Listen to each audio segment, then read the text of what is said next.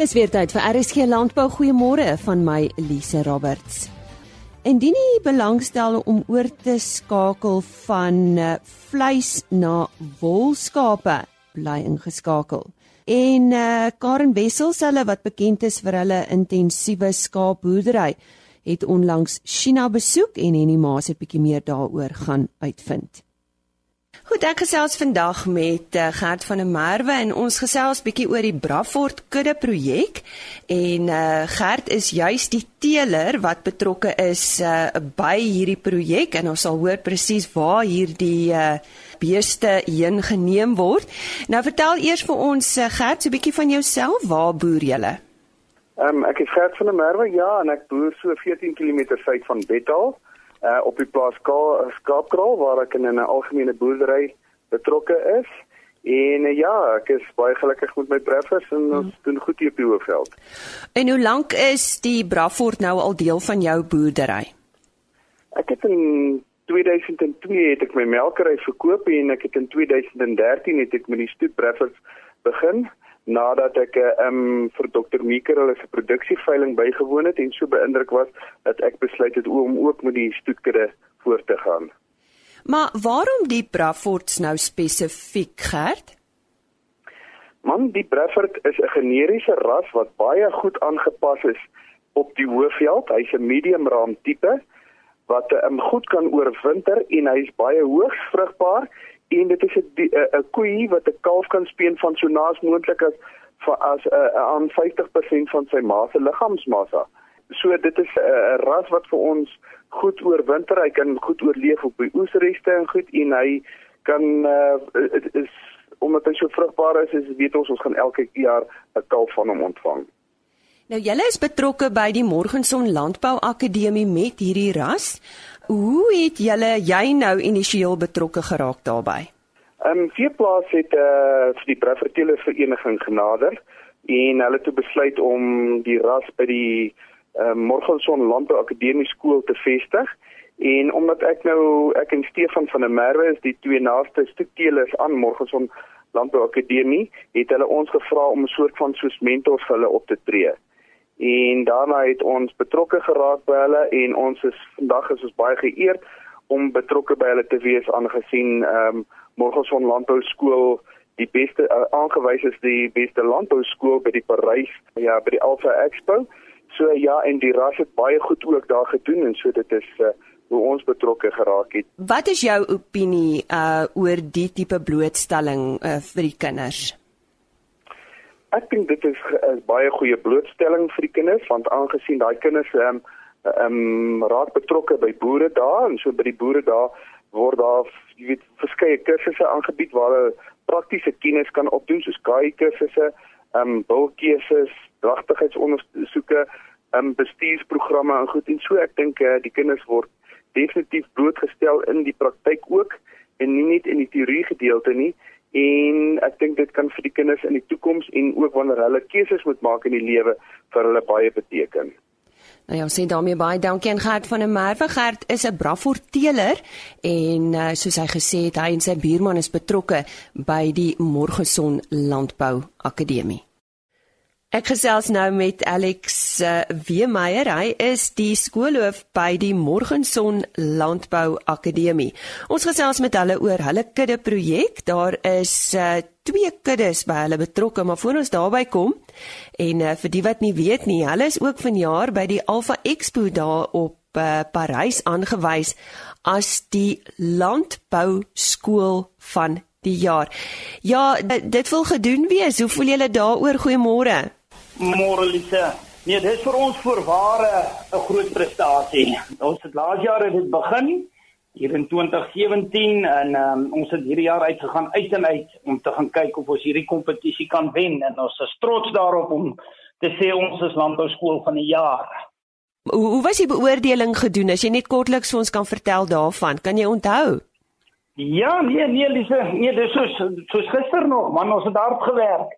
Lise, ja, dit gaan oor ehm um, 'n klompie kategorieë waaraan ons deelneem. Daar was ehm um, so 6 van hulle, onder andere was daar jeugskoue betrokke. Daar was rasuitstallings, daar was skooluitstallings, daar was ehm um, uh ehm uh, PowerPoint uh, aanbiedinge wat kinders moes doen. Um, al hierdie het dan uh, saam opgetel en 'n vasvra natuurlik uit veeplaas se tydskrif uit. Ehm um, van Januarie tot en met Augustus. Ehm um, waar daar ehm um, twee kinders moes gaan deelneem aan 'n aan 'n vasvra kompetisie oor landbou verwante aspekte.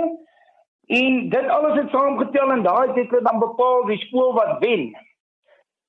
Nou kom ons gesels oor julle kudde projek en dit is saam met uh, Veeplaas en by julle is die Braffords en die SA vleismerinos. Kom ons gesels met die Bra oor die Braffords.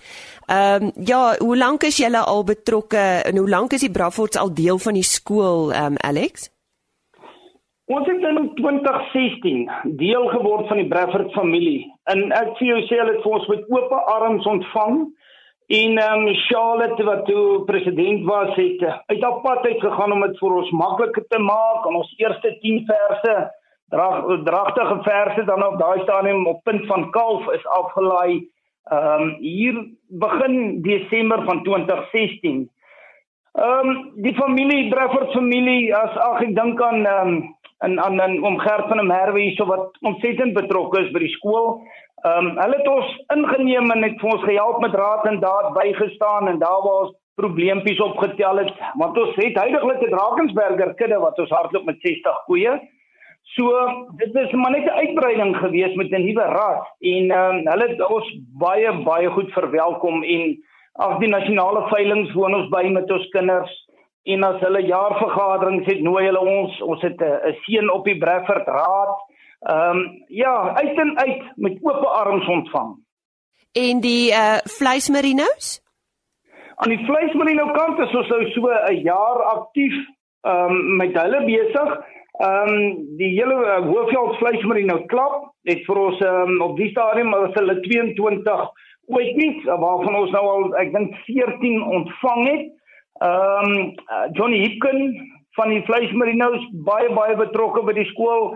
Hulle hou ook van hulle vergaderings hierso en ons het by die standaard onskou gaan deelneem met met uh, diere het ons gaan skou ook met oop arms ontvang in daardie familie. En dit is vir skool regtig waar 'n riem onder die hart laat baie mense wat eers kinders in die skool het nie so betrokke kan raak by die skool en dan hulle spesifieke ras. Die ervaring wat die kinders nou ehm um, opdoen met die hantering van hierdie tipe uh, beeste. Is dit is dit iets wat 'n kind sal lei tot ek wil eendag 'n beesboer word of ek wil eendag 'n skaapboer word? Wat dink jy, Alex? Ja, ja, verseker Lise.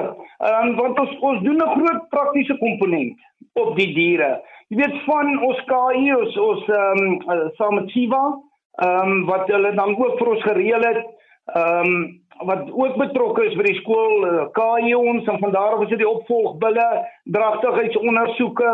Ehm um, ag ons werk na die as ons kyk na die ehm um, siektebeheer die dip en dosering ehm um, enting die die seuns en die dogters is almal baie nou betrokke daarbey. En ek ek dink tog daar word 'n liefde ontwikkel en aangewakker deurdat ons die diere in 'n praktiese komponent in die middag op die plaas gebruik.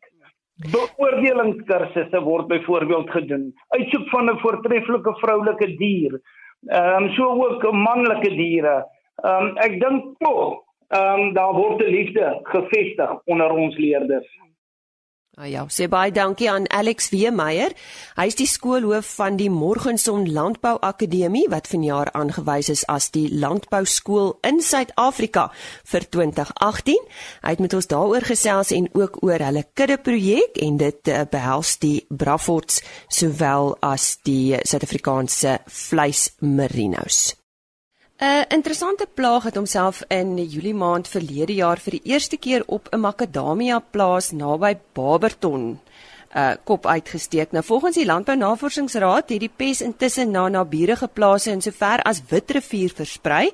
En soos altyd gesels ons met Jan Hendrik Venter van die Departement Landbou, Bosbou en Visserye. Hy gaan ons 'n bietjie meer hieroor vertel. Ja, uh Jan Hendrik, verduidelik eers vir ons wat is hierdie pes en en waar kom dit voor? Ehm um, Lisa, ja, dankie. Dit is, lekker om weer met julle te gesels. Hierdie pest is ehm um, is 'n tipe skaal insek. Ons noem dit die Macadamia veldet cocket. Ehm um, en ek is het geen idee wat sy Afrikaanse naam gaan wees of kan wees nie. Ehm um, hy kom oorspronklik van Australië af waar Macadamias ook vandaan kom en het al gevestig van Hawaii, ehm um, 'n redelike ernstige pes in Hawaii en en, en al die eilande ehm um, dis net alreeds en nou ook in Suid-Afrika. Jy het nou gesê dit kom van Australië af. Uh, hoe dink jy dit gebeur dat bome in Suid-Afrika besmet is? Jong, dis 'n goeie vraag. Uh die ons het 'n kwarantyne ehm um, stelsel in Suid-Afrika wat wat betref die invoer van Macadamia ehm um, met bome. En met ander die bome bly vir vir 'n tydperk in kwarantyne voordat dit vrygestel word en maar die is 'n baie klein insek. So 'n mens kan dit maklik gemis het gedurende inspeksies. So die die nimfe van hierdie insek is is redelik beweeglik so hy kan um, in in 'n klein gaatjies inkruip in tussen tussen 'n oksel en of uh, of 'n uh, uh, um, gleefie in in in plantmateriaal so hy kan ook gemis word en hulle teel redelik vinnig aan. Die ander moontlikheid is natuurlik dat iemand dit ingesmokkel het. So dit is ook nie baie moeilik om om 'n paar stokkies in jou klere weg te steek en en in te bring in Suid-Afrika en van daar af um, te okuleer nie. So daar ons ondersoek al die moontlikhede. Dit is net om ongelukkig weet ons as dit ons het die die baie mense die ding opgetel het, is dit heel waarskynlik al 'n paar jaar in die land. So daai daai terug ehm um, navorsing en en terug uh uh spoor van waar dit moontlik vandaan kan kom is is iets wat moeilik in in daai opsig. Nou kom ons gesels oor daai eh, storie van hoe hoe 'n boer nou moet kan identifiseer of sy boom nou juis hiermee besmet is. Wat wat sien ons?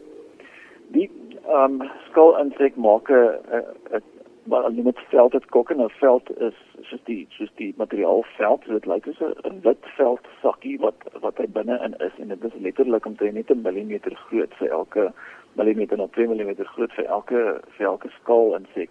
Nou binne in die sakkie um, bly die wyfies. Nou hulle vorm dan nou um, hierdie sakkies en hulle teel aan en dan maak dit amper soos 'n uh, soos 'n laagie om 'n takkie van die boom en op die blare.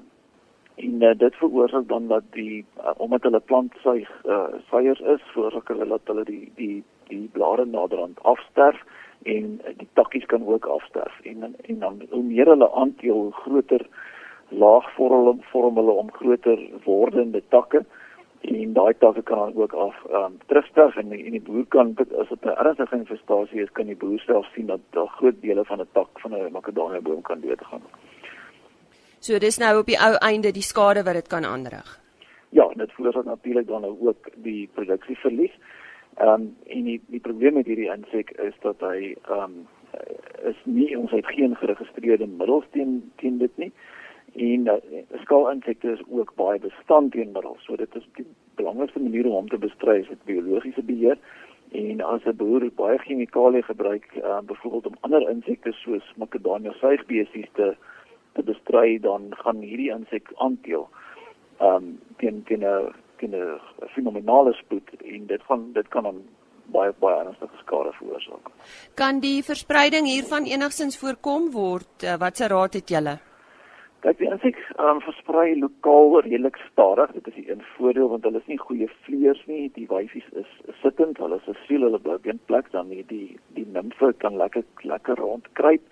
Um en hulle kan beweeg so, hulle kan ook selfs op werkers en implemente klim en dan van so 'n manier van een boom na ander wil kom. Um en dan die mannetjies uh, vlieg rond. Hulle kan nou dan nou weer 'n uh, paar met wyfies op ander bome. Die groot probleem met hierdie met hierdie insek is is egte plantmateriaal. Ehm um, so as die boere kwekerye op hulle eie plase het en dit dan nou weer aan ander boere verkoop, is dit 'n baie verseker manier hoe ons dit landwyd baie vinnig kan versprei. Dit is 'n groot kommer vir ons aangesien makadamia boerdery of makadamia bedryf die vinnig groeiendste bedryf op die oomblik in Suid-Afrika is met 'n baie hoë waarde um, gewas. Nou, sê baie dankie aan Jan Hendrik Venter van die Departement Landbou, Bosbou en Visserye.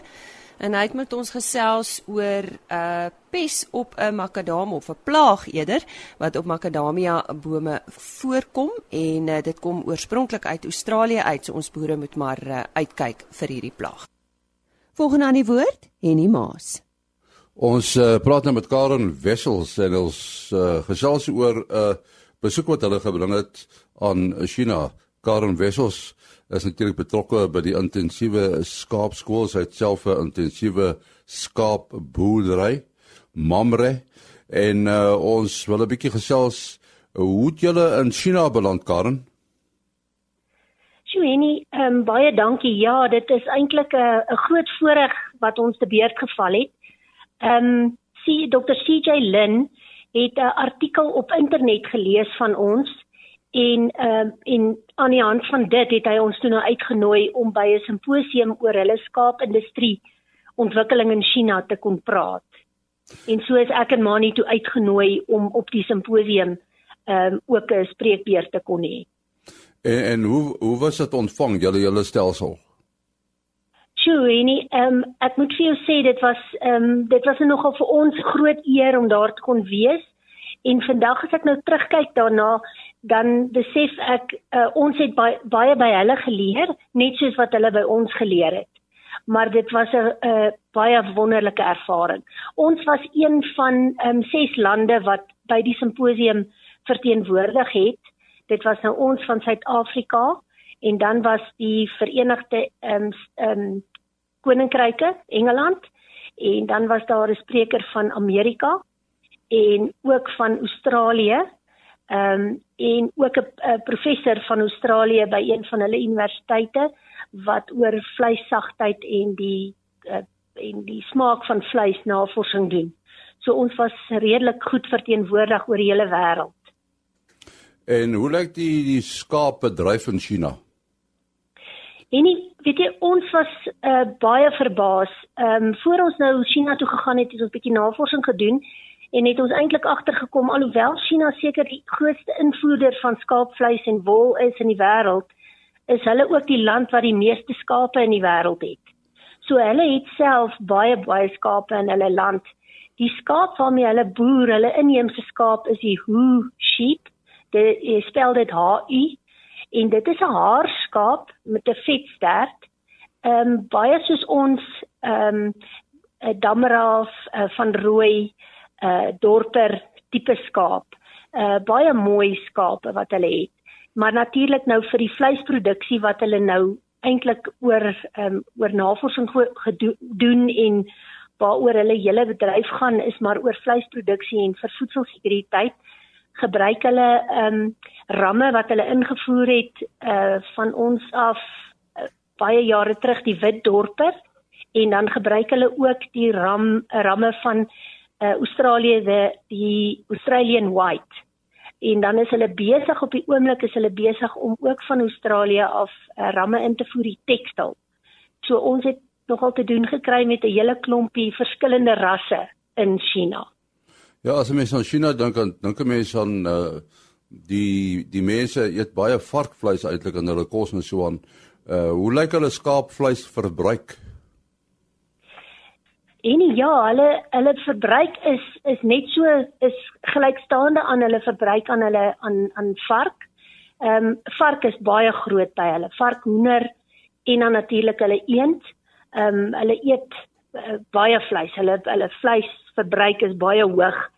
Ehm um, maar ek dink wat hulle wat hulle besef is dat as gevolg van die hoë invoere wat hulle het, moet hulle hulle eie industrie in hulle eie land ook dan nou uh, vir dit verbeter. En ehm um, die plase wat ons gaan besoek het was natuurlik vir ons 'n totaal en al amper ons dit het ons verstand te bowe gegaan. Ehm um, hulle werk op ehm um, geen beweidingsmetode op hulle plase nie as gevolg van die feit dat daar net nie grond beskikbaar is nie en die hoeveelheid mense wat daar is. Hulle koop al hulle voere in en so, so sommige van die voere word ook ingevoer van ander lande af. Nou gebruik hulle baie kuilvoer op hulle plase vir voeding. En ehm um, die plase wat ons gaan besoek het, die e, een plaas was 'n teelplaas wat nou ehm uh, ramme en teeldiere aan die mark in China beskikbaar stel. Hulle het so 10000 oeye in hulle stelsel en die ander plaas wat ons gaan besoek het was 'n uh, plaas met so 25000 oeye en daar so tussen 55 en 60000 koppe op die hmm. plaas. Die plase is albei so, die een is so 15 hektaar en die ander een so 20 hektaar plase. So dis baie intensief. baie. Nee, dit is totaal intensief. Daai skape bly basies binne in huis onder dak ehm um, vandat hulle gebore is tot die dag wat hulle seker nie meer kan kan produksie lewer nie. En wat sou jy sê is die belangrikste ding wat uh, jy vir hulle kon leer? Weet jy nie ehm um, ek dink wat gebeur het en hoekom uh, ons eintlik uitgenooi was is hulle het al hierdie intensiewe plase en hulle het 'n hulle het 'n baie sterk industrie in die in die intensiewe stelsel maar hulle bemark nie hulle het nie 'n uh, stelsel soos wat ons het wat ons elke maand die ramme by die oeye sit en elke maand produksie het nie. So dit was een van die groot redes waarom hulle ons genooi het is om vir hulle om hierdie hele stelsel van elke maand te lam en elke maand lammers te hê wat jy kan bemark en elke maand dan oeye by die ram te kan bring. Ehm um, ek dink dit is waaroor hulle ons genooi het en die boodskap wat ons deurgebring het aan hulle dink ek het hulle met oop arms ontvang en gaan hulle definitief daarna kyk. En wat is die belangrikste ding wat jy sê uh jy vir hulle geleer het? Wat ons vir hulle geleer het is die feit dat ons ehm um, dat jy met 'n wat dat wel dat intensief is by hulle baie groter as by ons. Ek dink as ek moet moet sê wat ek by hulle geleer het is die feit dat ons uh inten, dat skaapboerdery intensief gaan word in die toekoms. Daar's net geen twyfel daaroor nie en en dit was nogal vir my baie um, eintlik wonderlik om dit van hulle af te kon leer en dan was dit vir my 'n groot voorreg om hulle aan ons bestuurstelsel bekend te stel uh, omdat hulle nie dit het in hulle land nie. Ja, ons sê baie dankie aan Karen Wessels wat gesels het oor hulle besoek aan China. Ons gesels vanoggend met dokter eh, Louis Dupisani van die Nasionale Wolkwekersvereniging nou met die huidige stand van ons ekonomie. Oorweeg talle van ons uh, vleis skaapprodusente om oor te skakel na wolskape toe want dit gaan goed in die wolbedryf. Ja, Louis, ons gesels met jou so 'n bietjie daaroor vandag. Is ek reg met my opmerking? Ja, weet jy Lisa, dis jy's jy's 100% reg. Uh jy weet dit uh, dit gaan baie goed in die wolbedryf. Finansiëel gaan dit goed, ekonomies gaan dit goed. Wolpryse is goed. Uh die uh, vleispryse is goed. Uh so daar is definitief jou wat nie wolboere, kleinveeboere wat waarskynlik beplan om oor te slaan of wat dit oorweeg. Maar wat ons wel vind in die in die bedryf is dat uh jy weet 'n mens wil nie verkeerde besluit neem nie. Dis belangrik dat jy die regte besluit neem. 'n Mens kry so dikwels in die landbou dat uh mense oorslaan van van een bedryfstak na 'n volgende bedryfstak sonder om regtig uh hulle huiswerk goed te doen. En dan kry jy met goggas te doen soos 'n kontantvloei druk veral daai eerste paar jaar nadat jy oorgeslaan het. So boere is maar uh, baie konservatief uh en daarom het ons gegaan Elise en ons het uh verskeie uh wat ons noem rekenaar modelle opgestel om vir boere wat beplan om dalk oor te slaan te help uh 'n klompie somme saam met hulle te maak. Hier is belangrik dat uh, dat 'n mens die somme saam met die boere doen, dat 'n mens hulle in staat kan stel dat hulle hulle besluite kan neem.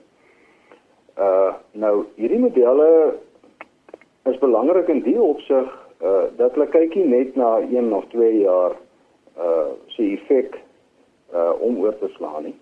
Hulle is so geskryf uh dat ons gaan kyk na wat is die moontlike effek op die volgende 20 jaar want dit is eintlik die enigste manier om te bepaal is daar 'n langtermyn sukses en hoe lank vat dit voordat ek sukses het? Want jy weet jy kan ook nie van die een bedryfstak oorskakel na 'n volgende bedryfstak maar voordat jy regtig suksesvol word jy hier in die eerste paar jaar soveel probleme finansiëel optel dat jy eintlik nooit uh, sukses behaal nie. En daarom het ons gaan kyk na hierdie verskillende rekenaarprogramme om verskillende scenario's beskikbaar te stel sodat die boere wat wil oorslaan na wolskaapboerdery toe 'n baie beter ingeligte besluit kan neem.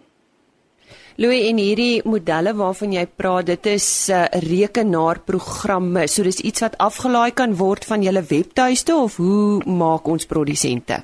Dis dit is 'n baie goeie vraag. Uh dit is rekenaarprogramme of rekenaarmodelle wat ons self gebruik Uh ons wil nie graag hê die boere moet dit aflaai. Ons gee nie om as die boere dit aflaai nie. Ons is net bang dat jy weet ons ons praat van tegnies uh belangrike modelle uh is nie noodwendig moeilik om hulle om hulle te gebruik nie maar ons is baie bang dat dit misbruik gaan word en dan neem boere die verkeerde besluite.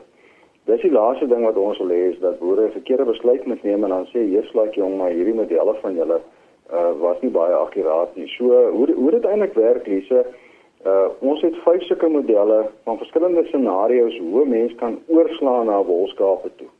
Het ons ontwikkel Ons het uh, ons produksieadviseurs wat dwarsteer die wolproduserende gebiede van Suid-Afrika geplaas is. Ons het hulle goed opgelei daarmee. En as daar boere is wat belangstel, uh, kan hulle hierdie produksieadviseurs van ons kontak en dan sal ons produksieadviseurs hulle besoek en saam met hulle gaan sit en gaan kyk. Uh is dit die moeite werd? Is dit uh uh is dit uitvoerbaar om miskien oor te slaan? Watter is die beste scenario vir 'n spesifieke boer? So nee, ons gaan dit nie in die boere se hande net so los nie. Ons gaan hulle bystaan en ons produksieadviseurs is goed uh, opgelei daarmee. Ek kan miskien net gou vinnig verwys na die na die verskillende scenario's wat ons ontwikkel het. Uh die eerste scenario wat ons ontwikkel het is waar 'n boer sou oorweeg om sy totale bestaande skaapkudde sommer op een slag oor te slaan of oor 'n kort periode oor te slaan na 'n wolskaapkudde. So dit beteken dat hy sal uh sy sy bestaande skaapkudde verkoop en dan sal hy 'n uh, 'n wolskaapkudde gaan inkoop. Uh nou dis die een scenario wat ons na kyk. Uh uit die hart van die saak sal daar groot verskille wees in die verkoopprys van die bestaande kudde en die aankoopprys uh van 'n wolskaapkudde want uit die hart van die saak is wolskape nou betreklik skaars en duur. Maar al dit word in ag geneem om te kyk wat is die netto effek uh oor 'n 20 jaar uh, termyn. En hoe lank vat dit uh voordat die boer uh winsgewend begin raak met sy met sy nuwe wolskaapkudde? Nou goed. Uh, Yes. As iemand dalk nou met een van hierdie adviseurs in verbinding tree, ek dink dit is redelik maklik want ek dink hulle behoort by uh, medeboere dalk die nommer te kry of uh, dit is op julle webtuiste beskikbaar, né? Lise, dis op ons webtuiste. Al ons uh, adviseurs is op ons webtuiste uh, beskikbaar. Ek kan miskien net sê ons het vyf streekkantore. Uh ons het een in Bloemfontein. Uh ons het een in Caledon in die Weskaap. Ons het een op Carnarvon in die Karoo. Ons het een in Harry Smit uh in die Oos-Vrystaat wat dan ook in Mpumalanga uh uh in KwaZulu-Natal uh, uh bedien. Ons het een in die Middelburg in die Oos-Kaap en dan het ons ook een in Queenstown in die Oos-Kaap. En soos jy reg sê, mense kan gerus gaan kyk op ons webbladsy uh die kontakbesonderhede van die van die uh van die produksieadviseurs is daar beskikbaar. Louis, dan weet ek julle talle klein vee klein klein vee boere as ek dit so kan noem uh wat op klein skaal boer wat moontlik dit ook oorweeg. So daar is ook hulp vir hulle. Daar is vir enige boer hulp. Uh hmm. hierdie hierdie modelle is so geskryf, Lise, dat hulle regtig baie aanpasbaar is. Uh en en uh Dit sal boere baie help om alle verskillende alternatiewe te kan opweeg te mekaar. Ons wil regtig nie hê dat mense moet 'n oningeligte besluit neem nie. Hierdie gaan help vir boere wat wil oorslaan om 'n baie goeie ingeligte besluit te neem.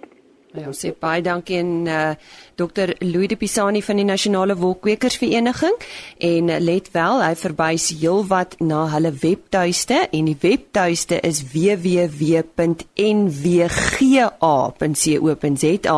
en daardie uh, G staan vir National Wool Growers Association, dit is die Engelse NWKV. Fluit fluit ons storie is uit vir vandag. Baie dankie dat u uh, ingeskakel het. Tot môreoggend dan. Totsiens. RSC Landbou is 'n produksie van Plaas Media. Produksieregisseur Henny Maas.